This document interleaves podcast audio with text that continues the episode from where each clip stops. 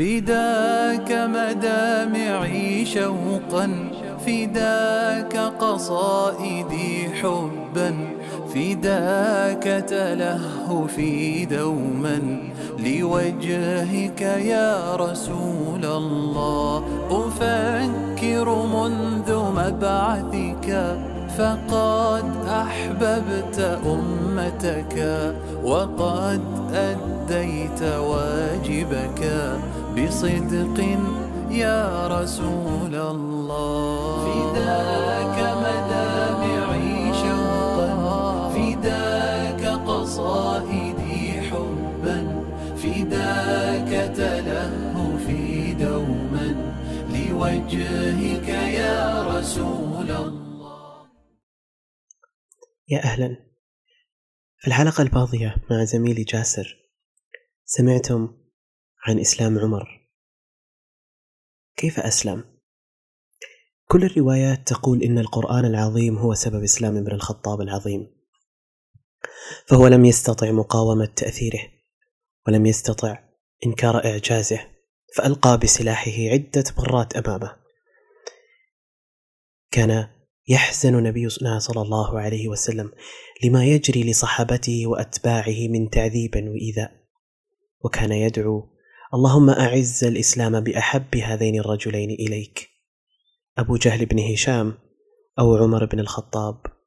فقد كان أشد من يسلخ الظهور ويعذب فوق الرمضاء. ولكن كان عمر أكثرهم رقة. وقد لاح ذلك عندما وقف ممتلئا بالحزن وهو يودع الصحابة المغادرين إلى أرض الحبشة. لكن قسوته تغلب على رقته. بدأ ابن الخطاب يمارس دوره في التعذيب مع أقرب الناس إليه وأقربهم وألينهم قلبا وجسدا. حبال وصياط هي أدوات الحوار التي كان يجيدها عمر ويكثر من حملها. فالجاهلية التي كان يعتنقها لا تستطيع البقاء إلا بالحبال والسياط. لكن القلوب لا تدخلها السياط والأفكار لا يثنيها الحديد. مهما كان قسوة عمر فإنه ما زال بشرا يحمل قلبا ما زال يحمل عقلا. عمر بن الخطاب الرجل الحديدي أسلم. تلك القوة التي كانت ترزح فوق أنفاس المستضعفين انزاحت فهل ستستحيل بين أيديهم سلاحا يشقون به طريقهم وسط غابة الخناجر والسيوف وأغصان من المشانق والقيود؟ أم أن عمر سينضم إلى قافلة المستضعفين الذين لا يملكون حولا ولا طولا. كل تلك التساؤلات أجاب عنها عمر بقوله أشهد أن لا إله إلا الله وأشهد أن محمدا رسول الله. ولم ينتظر عمر أن تزحف الأخبار إلى بيوت مكة بخبر إسلامه أن يقول إنه تخلص من شركه كما تتخلص الأشجار من أوراق الخريف الصفراء. بل ذهب إلى جميل بن المعمر الجمحي.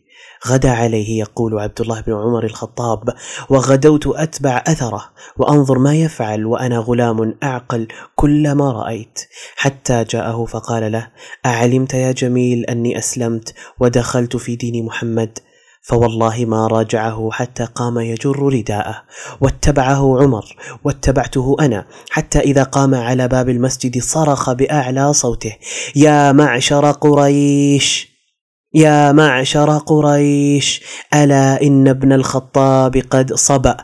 فقال عمر من خلفه كذبت. ولكني قد أسلمت وشهدت أن لا إله إلا الله وأن محمدا رسول الله وثاروا إليه فما برح يقاتلهم ويقاتلونه. حتى قامت الشمس على رؤوسهم فتعب وقعد وقاموا على رأسه وهو يقول افعلوا ما بدا لكم فأحلف بالله لو قد كنا ثلاثمائة ثلاثمائة رجل لقد تركناها لكم أو تركتموها لنا.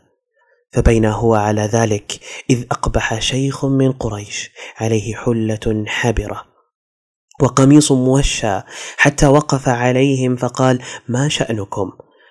فقالوا صبأ عمر. فقال فمه؟ رجل اختار لنفسه فماذا تريدون؟ أترون بنا أترون بني عدي يسلمون لكم صاحبكم هذا؟ خلوا عن الرجل. يقول ابن عمر فوالله لكأنما كانوا ثوبا كشط عنه فقلت لأبي بعد أن هاجر إلى المدينة يا أبت من الرجل الذي زجر القوم عنك بمكة يوم أسلمت وهم يقاتلونك؟ قال العاص بن الوائل السهمي. يقول ابن عمر فعجبت من عزه ولم يكن عز هذا الرجل بأعظم من إجابته المفحمة لفلول الكفر. إنه يرفض مبدأ قريش في تكميم الأفواه وتقييد الحريات فالرجال أحرار في اعتناق ما يرونه. وعمر حر في اعتناق ما رآه صوابا وحقيقة. فلماذا التبرم يا قريش؟ صمتت قريش لأنها تفتقر إلى أسلحة العقل والإقناع. لا تملك شيئا يبرر أصنامها وطقوسها. إنها تملك صراخا وضجيجا تزاحم به أجواء الحوار الهادئة. فإذا ماجت الساحة بالفوضى والغبار والضجيج مررت ما تريد وفرضت ما تشتهي. وأبقت الدعاء في جو من الخوف والرعب. فربما يتراجعون عن رسالتهم التي تخطف القلوب والعقول بهدوء من صفوف قريش. لكن رسولنا الأمين صلى الله عليه وسلم استمر في هدوئه ودعوته. يزداد سكينة كلما ازدادوا شراسة ويبشر كلما عسروا وشددوا ويبتسم كلما كشروا عن أنياب دامية ويلاطف الناس جميعا بأسلوب ساحر آسر. كله حب وشفقة كله ود وجمال. كأنه خرير ماء كأنه ساحة من الزهور فسيحة. هذا الأسلوب جعل معسكر الكفر يفقد أعصابه وأفراده. بالامس كانت قريش تفقد أفرادا ربما لم يكن لهم تأثير. أما اليوم فهي تفقد أقوياء مفتولين كالحديد. ها هو حمزة ينسحب منهم. أتبعه عمر بن الخطاب. وها هم الضعفاء يقتربون من الكعبة يطوفون بها بل يصلون عندها. وها هو أحدهم راعي الغنم الفقير يقول ما زلنا أعزة منذ أسلم عمر. فقد وجد بعض المسلمين ساحة آمنة يركعون فيها ويسجدون قرب الكعبة. يا لها من دعوة نبي. اليوم عمر بن الخطاب صار سيفا لا يفل ولا يحول بينه وبين وجوه الطغاة حائل فأصبح لأقدام المستضعفين مكانا في بيت الله الحرام وجوار الكعبة يتجمهرون حول نبيهم عند الكعبة ويسمع المهاجرون إلى الحبشة بتلك الأحداث فيركب بعضهم الأمواج والبهجة عائدين إلى رسول الله عائدين إلى مكة إلى بلدانهم. وفي يوم من تلك الأيام التي يلتف بها الصحابة حول رسولهم صلى الله عليه وسلم. وقد زاحمهم المشركون أيضا تنغيصا ونكدا في مجلس الأخلاط هذا. كان النبي صلى الله عليه وسلم يتغنى بآيات من سورة النجم.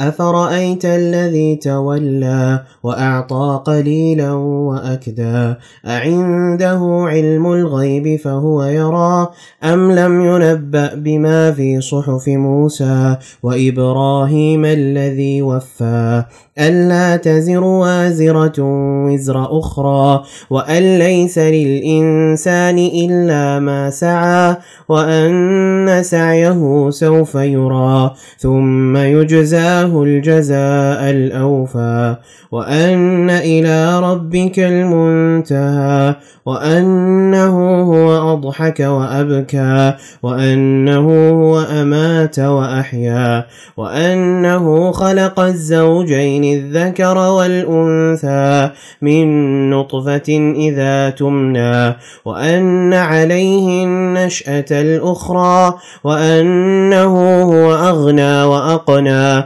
وأنه هو رب الشعرى وأنه أهلك عادا الأولى وثمود فما أبقى وقوم نوح من قبل إنهم كانوا إنهم كانوا هم أظلم وأطغى والمؤتفكة أهوى فغشاها ما غشا فبأي آلاء ربك تتمارى. هذا نذير من النذر الأولى. أزفت الآزفة ليس لها من دون الله كاشفة. أفمن هذا الحديث تعجبون؟ وتضحكون ولا تبكون؟ وأنتم سامدون؟ فاسجدوا لله واعبدوا. وبعد أن قرأ صلى الله عليه وسلم هذه الآيات سجد. وسجد معه المسلمون والمشركون والجن والإنس. غير شيخ أخذ كفا من حصن أو تراب فرفعه إلى جبهته وقال يكفيني هذا. سجد الكفار المعاندون وسجد المؤمنون. أخذتهم هذه الآيات فساحت بهم في رحلة بدأت من الآخرة حيث القبور الثائرة المبعثرة حيث الأموات يشقون أكوام التراب والغبار ينتفضون يخرجون يبحثون عن الداعي والمنادي. وتنتهي بهم الرحلة هناك بين الخرائب الصامتة. خرائب عاد وثمود وقوم لوط حيث الجثث المنثورة المتوارمة من الماء جثث قوم نوح التي طوح بها السيل في كل مكان وأثناء هذه الرحلة المخيفة يدخل المسافرون عالما مدهشا وعجيبا يقال له الإنسان. بدايته حقيرة لكنه يتمدد حتى يصبح عوالم تثير الدهشة والحيرة. تحنى الرقاب وتخضع القلوب والجباه لقدرة الله واعترافا بعظمته. تأثر السامعون المسلمون والمشركون أيضا. فسجدوا لله وحده لا لشيء آخر.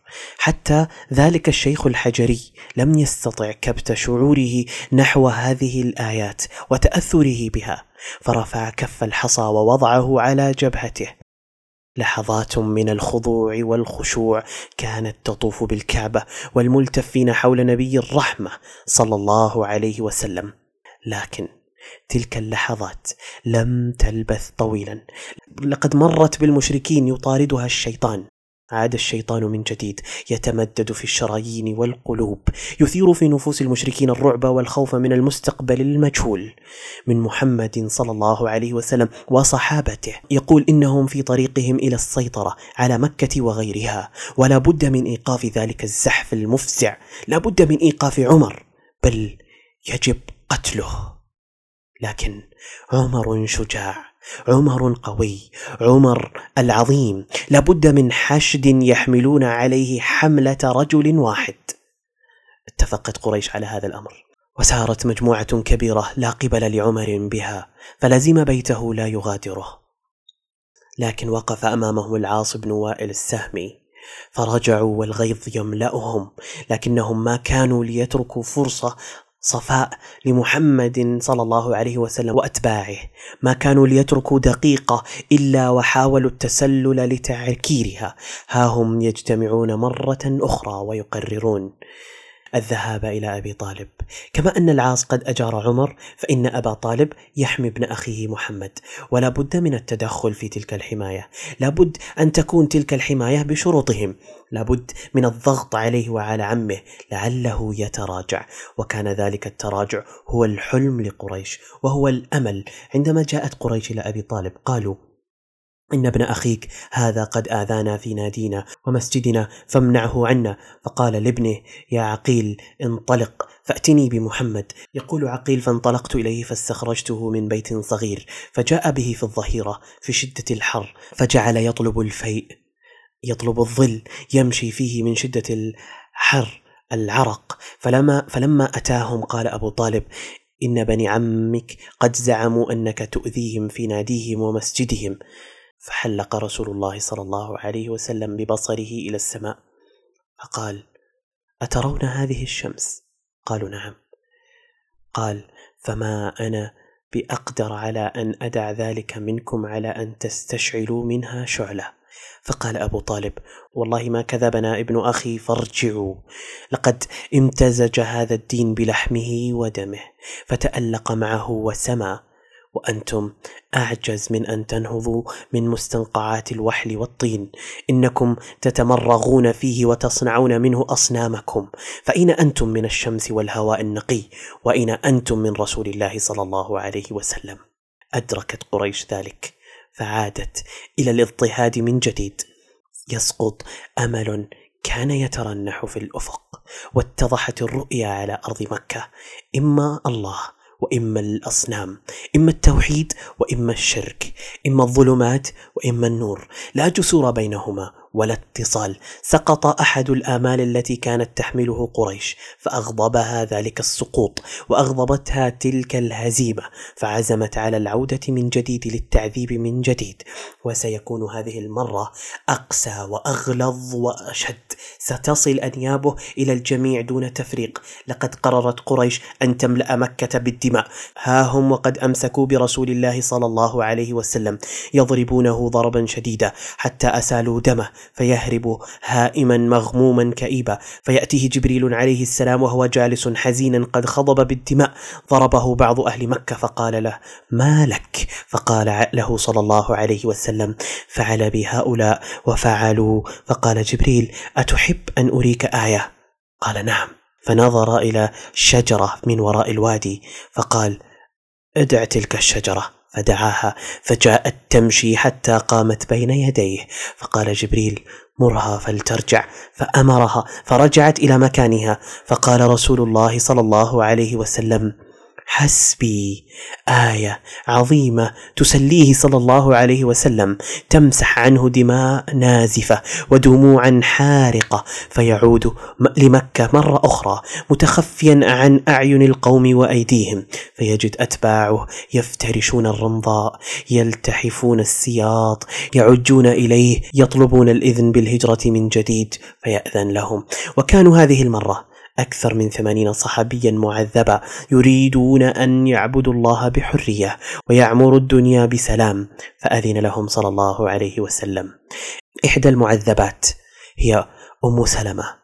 رضي الله عنها تحدثنا عن رحلة الآلام فتقول لما ضاقت علينا مكة وأوذي أصحاب رسول الله صلى الله عليه وسلم وفتنوا ورأوا ما يصيبهم من البلاء والفتنة في دينهم وأن رسول الله صلى الله عليه وسلم لا يستطيع دفع ذلك عنهم قال لهم رسول الله صلى الله عليه وسلم إن بأرض الحبشة ملكا لا يظلم احدا عنده فالحقوا ببلاده حتى يجعل الله لكم فرجا ومخرجا مما أنتم فيه. فخرجنا إليها أرسالا حتى اجتمعنا بها فنزلنا بخير دار وإلى خير جار آمنين على ديننا ولم نخش منه ظلما. فلما رأت قريش أنا قد أصبنا دارنا وأمنا اجتمعوا على أن يبعثوا إليه فينا. فيخرجنا من بلاده وليردنا عليهم فبعثوا عمرو بن العاص وعبد الله بن أبي ربيعة فجمعوا له هدايا ولبطارقته فلم يدعوا رجلا منهم إلا هيئوا له هدية على حدة.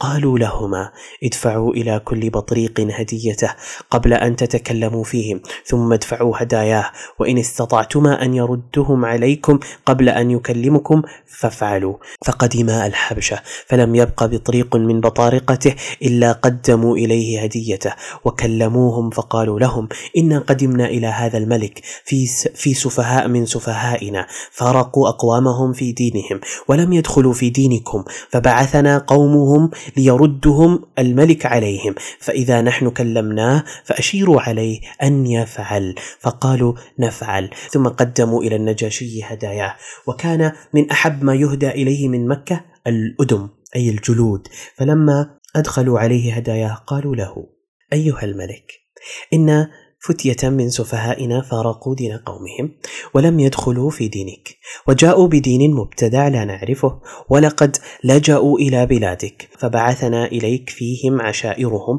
آباؤهم وأعمامهم وقومهم لتردهم فهم أعلاهم عينا فقالت بطارقته صدقوا أيها الملك لو رددتهم عليهم كانوا أعلاهم عينا فإنهم لم يدخلوا في دينك فتمنعهم بذلك فغضب ثم قال لا لعمر الله.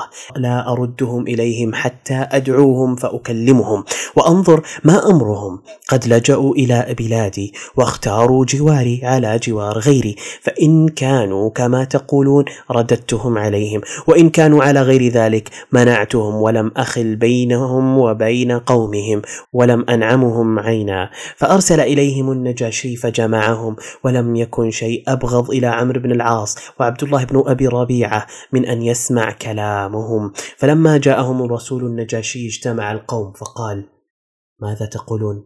فقالوا وماذا نقول؟ نقول والله ما نعرفه وما نحن عليه من أمر ديننا وما جاء به نبينا صلى الله عليه وسلم كائن في ذلك ما كان. فلما دخلوا عليه كان الذي يكلمه منهم جعفر بن أبي طالب ابن عم النبي صلى الله عليه وسلم. فقال له النجاشي ما هذا الدين الذي أنتم عليه؟ فارقتم دين قومكم ولم تدخلوا في يهودية ولا نصرانية فما هذا الدين؟ فقال جعفر أيها الملك كنا قوما على شرك نعبد الأوثان نأكل الميته ونسيء الجوار ونستحل المحارم بعضنا من بعض في سفك الدماء وغيرها لا نحل شيئا ولا نحرمه. فبعث الله إلينا نبيا من أنفسنا نعرف وفاءه وصدقه وأمانته فدعانا إلى أن نعبد الله وحده لا شريك له ونصل الرحم ونحسن الجوار ونصلي لله ونصوم له ولا نعبد غيره. فقال النجاشي فهل معك شيء مما جاء به؟ وقد دعا أساقفته فأمرهم فنشروا المصاحف حوله. هلم فاتل علي ما جاء به. فقرأ عليه صدرا من كافها يا عين صاد. ذكر رحمة ربك عبده زكريا. إذ نادى ربه نداء خفيا. قال رب إني وهن العظم مني واشتعل الرأس شيبا ولم أكن بدعائك رب شقيا. وإني خفت الموالي من ورائي وكانت امرأتي عاقرا. فهب لي من لدنك وليا. يرثني ويرث من آل يعقوب واجعله رب رضيا يا زكريا إنا نبشرك بغلام اسمه يحيى. لم نجعل له من قبل سميا. قال رب أنا يكون لي غلام وكانت امرأتي عاقرا. وقد بلغت من الكبر عتيا. قال كذلك قال ربك هو علي هين. وقد خلقتك من قبل ولم تك شيئا. قال رب اجعل لي آية قال آيتك ألا تكلم الناس ثلاث ليال سويا فخرج على قومه من المحراب فأوحى إليهم أن سبحوه بكرة وعشيا يا يحيى خذ الكتاب بقوة وآتيناه الحكم صبيا وحنانا من لدنا وزكاة وكان تقيا وبرا بوالديه ولم يك جبارا عصيا. وسلام عليه يوم ولد ويوم يموت ويوم يبعث حيا. واذكر في الكتاب مريم إذ انتبذت من أهلها مكانا شرقيا. فاتخذت من دونهم حجابا فأرسلنا إليها روحنا فتمثل لها بشرا سويا. قالت إني أعوذ بالرحمن منك إن كنت تقيا. قال إنما أنا رسول ربك لأهب لك غلاما زكيا. قالت أنا يكون لي غلام ولم يمسسني بشر ولم أك بغيا. قال كذلك قال ربك هو علي هين ولنجعله آية للناس ورحمة منا وكان أمرا مقضيا. فحملته فانتبذت به مكانا قصيا. فجاءها المخاض إلى جذع النخلة قالت يا ليتني مت قبل هذا وكنت نسيا منسيا فناداها من تحتها ألا تحزني قد جعل ربك تحتك سريا. وهزي إليك بجذع النخلة تساقط عليك رطبا جنيا. فكلي واشربي وقري عينا فإما ترين من البشر أحدا فقولي فقولي إني نذرت للرحمن صوما فلن أكلم اليوم إنسيا. فأتت به قومها تحمله. قالوا يا مريم لقد جئت شيئا فريا. يا أخت هارون ما كان أبوك امرأ سوء وما كانت أمك بغيا؟ فأشارت إليه. قالوا كيف نكلم من كان في المهد صبيا؟ قال إني عبد الله آتاني الكتاب وجعلني نبيا. وجعلني مباركا أينما كنت وأوصاني بالصلاة والزكاة ما دمت حيا وبرا بوالدتي ولم يجعلني جبارا شقيا والسلام علي يوم ولدت ويوم أموت ويوم أبعث حيا. إن هذا الكلام لا يخرج من المشكات من المشكاة التي جاء بها عيسى. بكى النجاشي حتى اخضلت لحيته. وبكت أساقفته حتى اخضلوا مصاحفهم.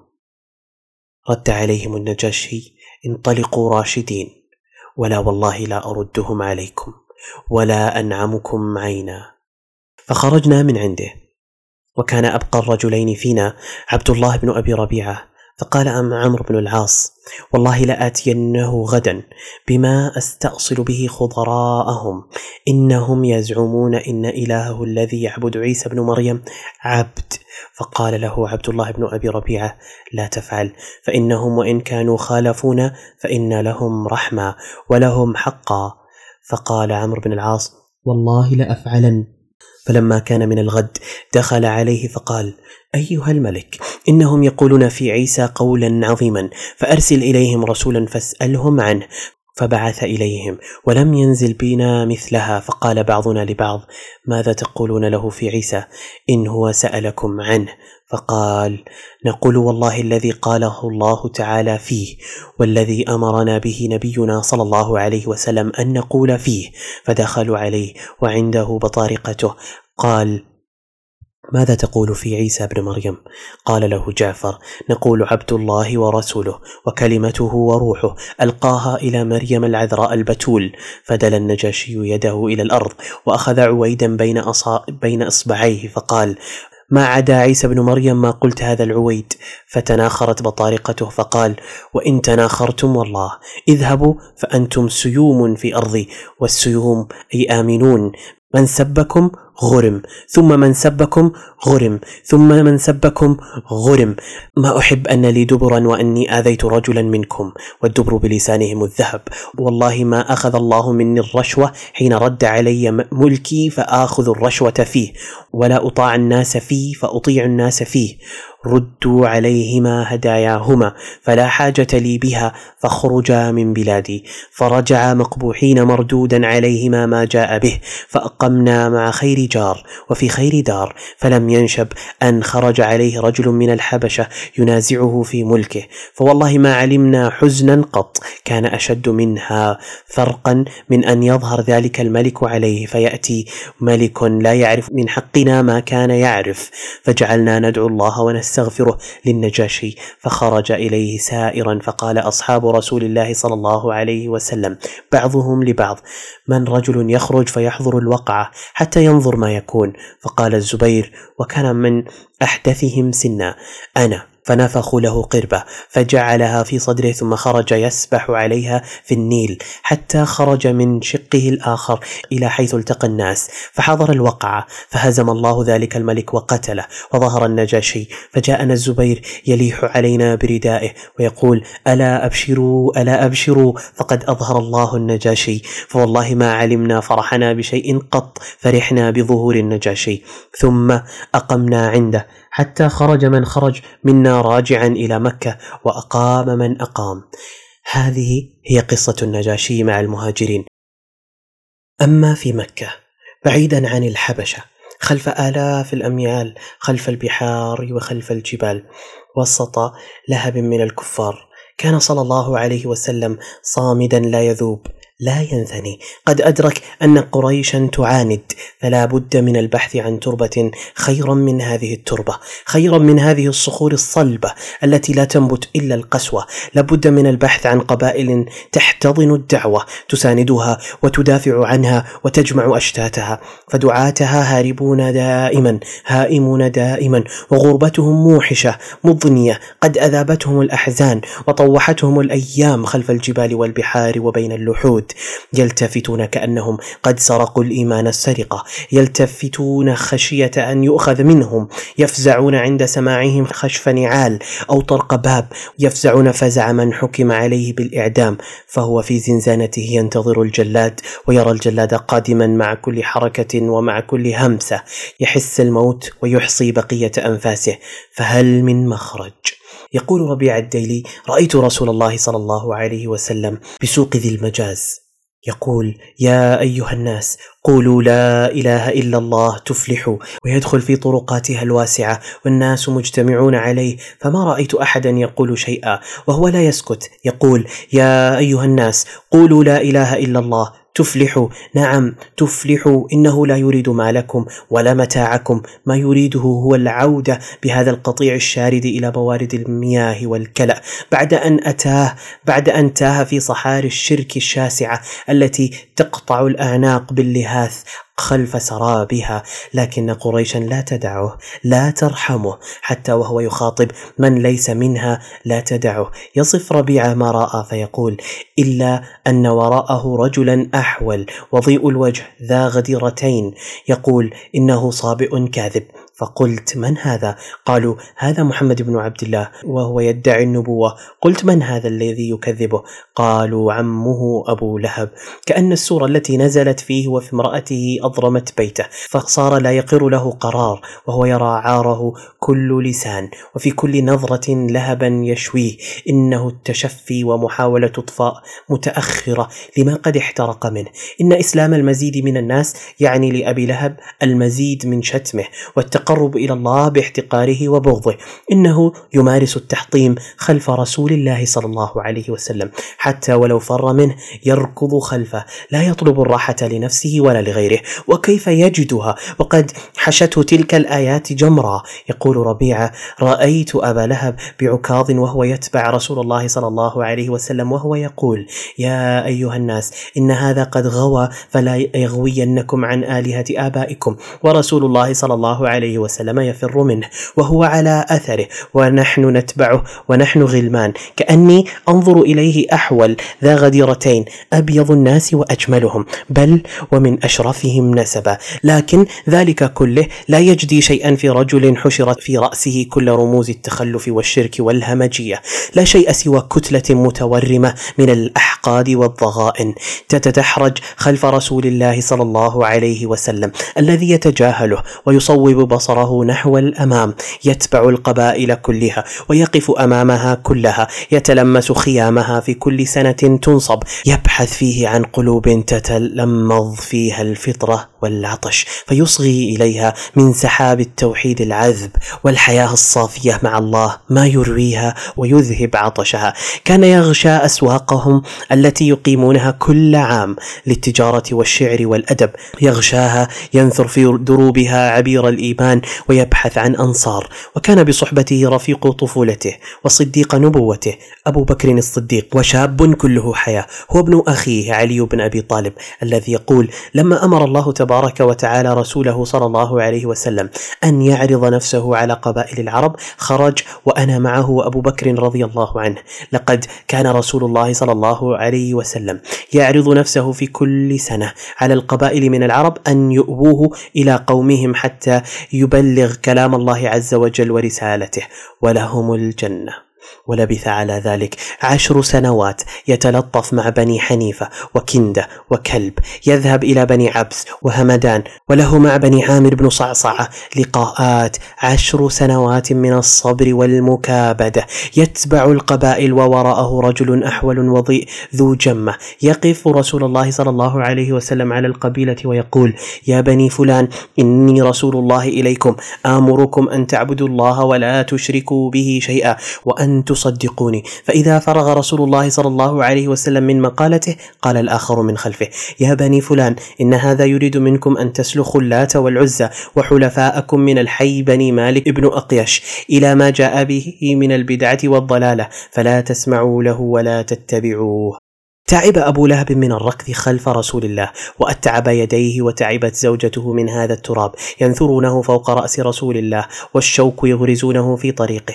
تعب أبو لهب وأتعب معه رسول الله صلى الله عليه وسلم لكن تلك السنوات من الصبر والعرق كانت كفيلة بانتشار عبير الإسلام. فأخبار رسول الله صلى الله عليه وسلم تطايرت في جزيرة العرب فصادفت قلوبا مفتوحة نفوسا فسيحة تعلقت بما سمعت وعشقته وأتعبت مطاياها في البحث عنه.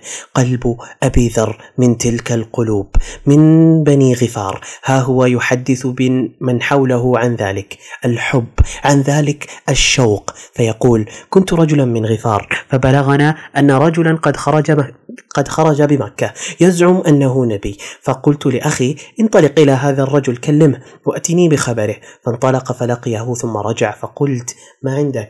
فقال والله لقد رأيت رجلا يأمر بالخير وينهى عن الشر. فأخذت جرابا وعصا ثم أقبلت إلى مكة فجعلت لا أعرفه وأكره أن أسأل عنه وأشرب من ماء زمزم وأكون في المسجد. فمر بي علي فقال كأن الرجل غريب؟ قلت نعم. فقال قال فانطلق إلى المنزل. فانطلقت معه. لا يسألني عن شيء ولا أخبره. فلما أصبحت غدوت إلى المسجد لأسأل عنه وليس أحد يخبرني عنه بشيء؟ فمر بي علي فقال أما نال للرجل يعرف منزله بعد؟ قلت لا. قال انطلق معي. فقال علي ما أمرك وما أقدمك هذه البلدة. قلت له إن كتمت علي أخبرتك. قال فإني أفعل. قلت له بلغنا أنه قد خرج. هنا رجل يزعم أنه نبي. فأرسل فأرسلت أخي لأكلمه فرجع ولم يشفني بالخبر فأردت أن ألقاه. فقال علي بن أبي طالب أما إنك قد رشدت هذا وجهي إليه؟ فاتبعني. ادخل حيث أدخل فإن رأيت أحدا أخافه عليك قمت إلى الحائط كأني أصلح نعلي. وامضي أنت. فمضى ومضيت معه. حتى دخل ودخلت معه معه على النبي صلى الله عليه وسلم فقلت له اعرض علي الإسلام. فعرضه فأسلمت مكاني فقال لي يا أبا ذر اكتم هذا الأمر وارجع إلى بلدك. فإذا بلغك ظهورنا فأقبل. فقلت والذي بعثك بالحق لأصرخن بها بين أظهرهم. فجاء إلى المسجد وقريش فيه فقال أبو ذر يا معشر قريش إني أشهد أن لا إله إلا الله وأشهد أن محمدا عبده ورسوله. قالوا قوموا إلى هذا الصابئ. فقاموا فضربت لأموت فأدركني العباس فأكب علي ثم أقبل عليهم فقال ويلكم تقتلون رجلا من غفار؟ ومتجركم وممركم على غفار؟ فأقلعوا عني. فلما أصبحت الغد رجعت فقلت مثل ما قلت بالأمس. فقالوا قوموا إلى هذا الصابئ. فصنع مثل ما صنع بالأمس. وأدركني العباس فأكب علي وقال مثل مقالته بالأمس كان الشرك رعبا تطوف أشباحه في دروب المسلمين فترقب أبوابهم وأفواههم. علي بن أبي طالب لا يستطيع التحدث بالأمر خوفا على رسول الله صلى الله عليه وسلم.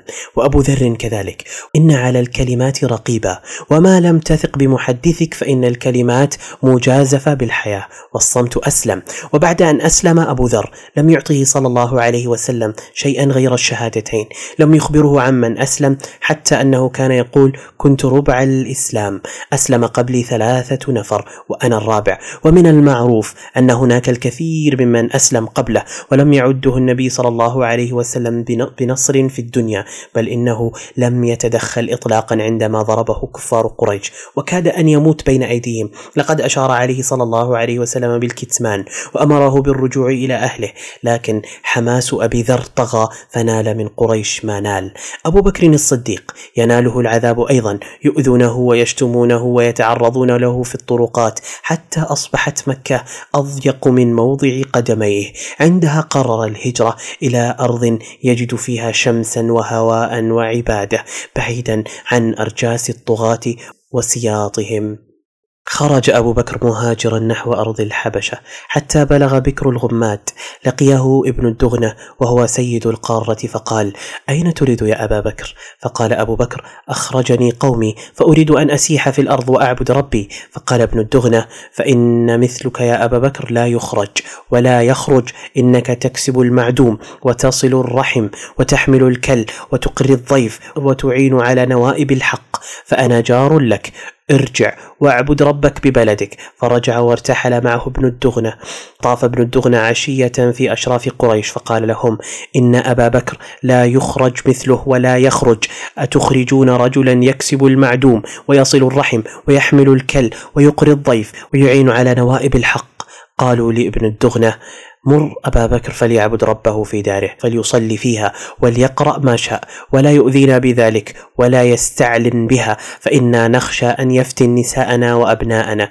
فقال ذلك ابن الدغنة لأبي بكر فلبث أبو بكر يعبد ربه في داره ولا يستعلن بصلاته ولا يقرأ في غير داره. ثم بدا لأبي بكر فابتنى مسجدا بفناء داره وكان يصلي فيه ويقرأ القرآن. فينقذف عليه نساء المشركين وأبناؤهم وهم يعجبون منه وينظرون إليه. وكان أبو بكر رجلا بكاء لا يملك عينيه إذا قرأ القرآن. فأفزع ذلك أشراف قريش من المشركين. فأرسلوا إلى ابن الدغنة فقدم عليهم. فقالوا إنا كنا قد أجرنا أبا بكر بجوارك على أن يعبد ربه في داره. فقد جاوز ذلك فابتنى مسجدا بفناء داره. فأعلن بالصلاة والقراءة فيه. وإنا قد خشينا أن يفتن نساءنا وأبناءنا فانهه. فإن أحب أن يقتصر على أن يعبد ربه في داره فعل.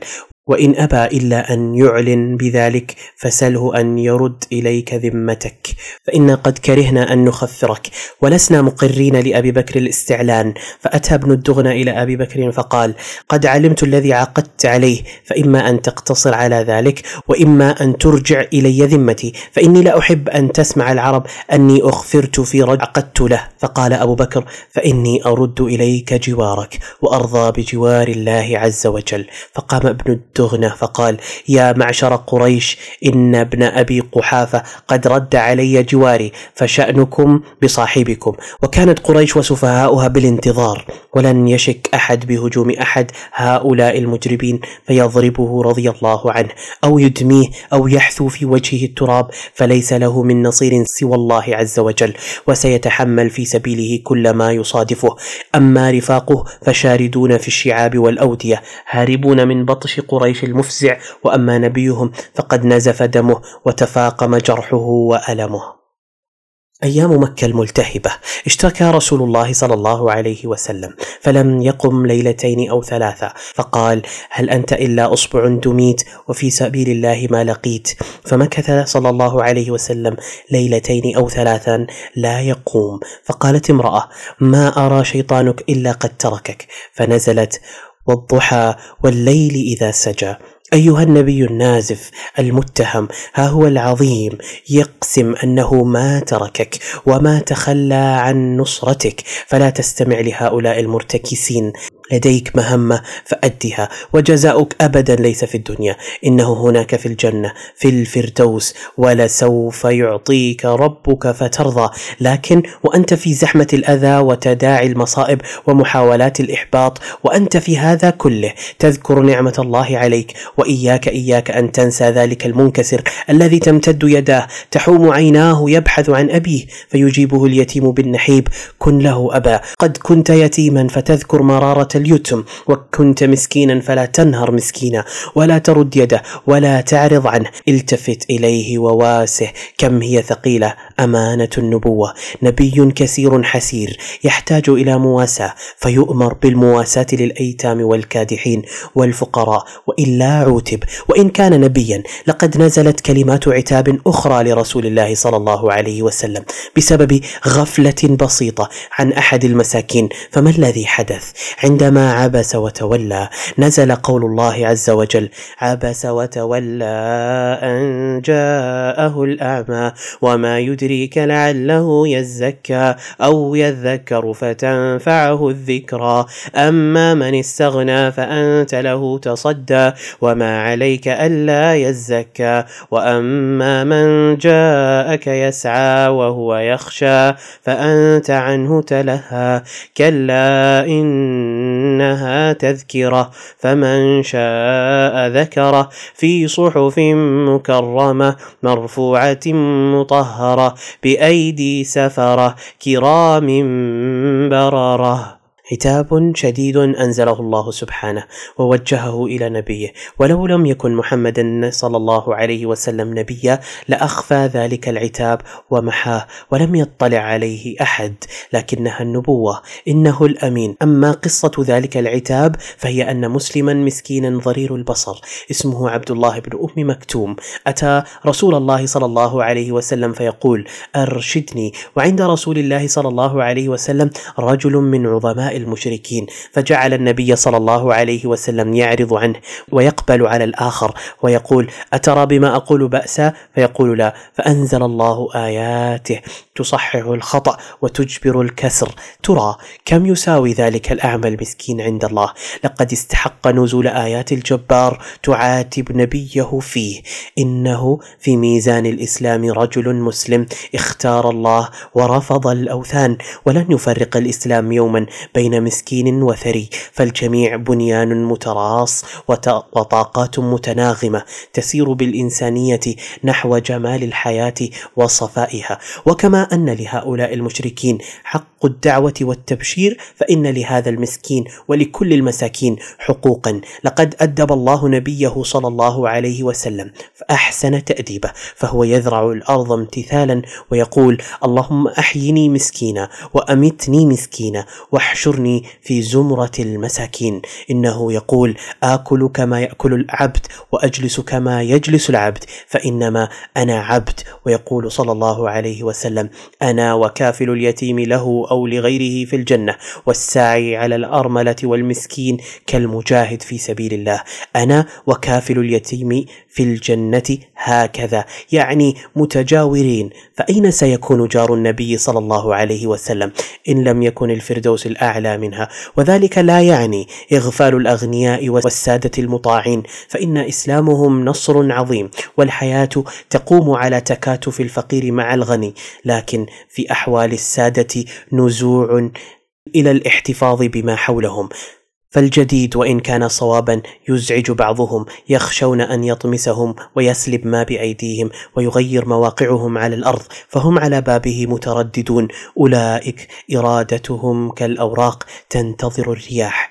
أحد هؤلاء هو مؤمن فكافر. وليد بن مغيرة جاء إلى النبي صلى الله عليه وسلم فقرأ عليه القرآن فكأنه رق له فبلغ ذلك أبا جهل فأتاه فقال يا عم إن قومك يرون أن يجمعوا لك مالا. قال الوليد لما قال أبو جهل ليعطوك فإنك أتيت محمدا لتعرض لما قبله. قال الوليد قد علمت قريش أني من أكثرها مالا.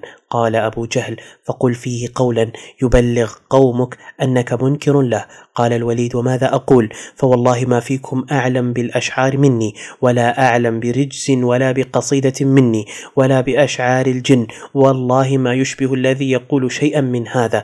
ووالله إنه لقوله الذي يقول حلاوة وإن عليه لطلاوة وإنه لمثمر أعلاه مغدق أسفله وإنه ليعلو وما يعلى وإنه ليحطم ما تحته. قال أبو جهل لا يرضى عنك قومك حتى تقول فيه. قال فدعني أفكر فيه. فلما فكر قال الوليد هذا سحر يؤثر يأثره عن غيره. فنزلت ذرني ومن خلقت وحيدا وجعلت له مالا ممدودا وبنين شهودا ومهدت له تمهيدا ثم يطمع أن أزيد.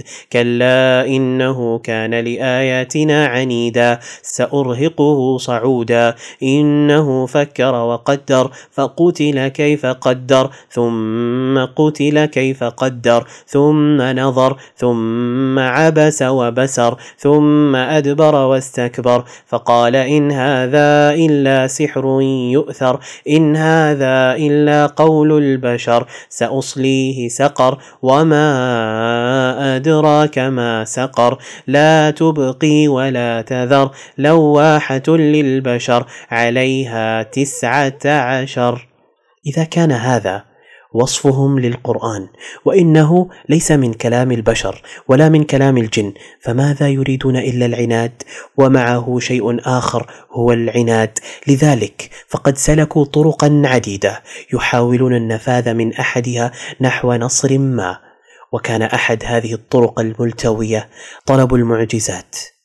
اجتمعوا يوما حول رسول الله صلى الله عليه وسلم ثم طالبوه بأن يقدم لهم معجزة ليريهم آية لا يستطيع أحد من البشر أن يفعلها. لا يراد منه سوى التعجيز ليجدوا لأنفسهم عذرا للتكذيب.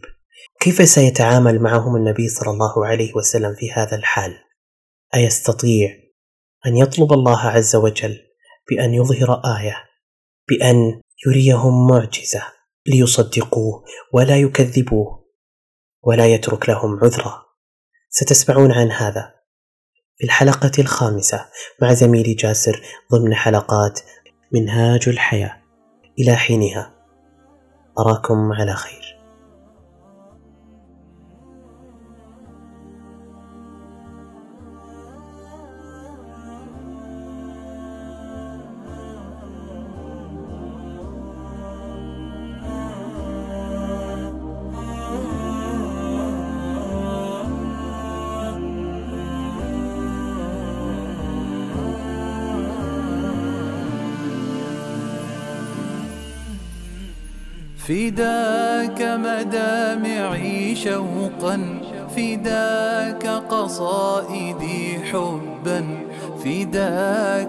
فداك تلهفي دوما لوجهك يا رسول الله. أفكر منذ مبعثك فقد أحببت أمتك وقد أديت واجبك بصدق يا رسول الله. فداك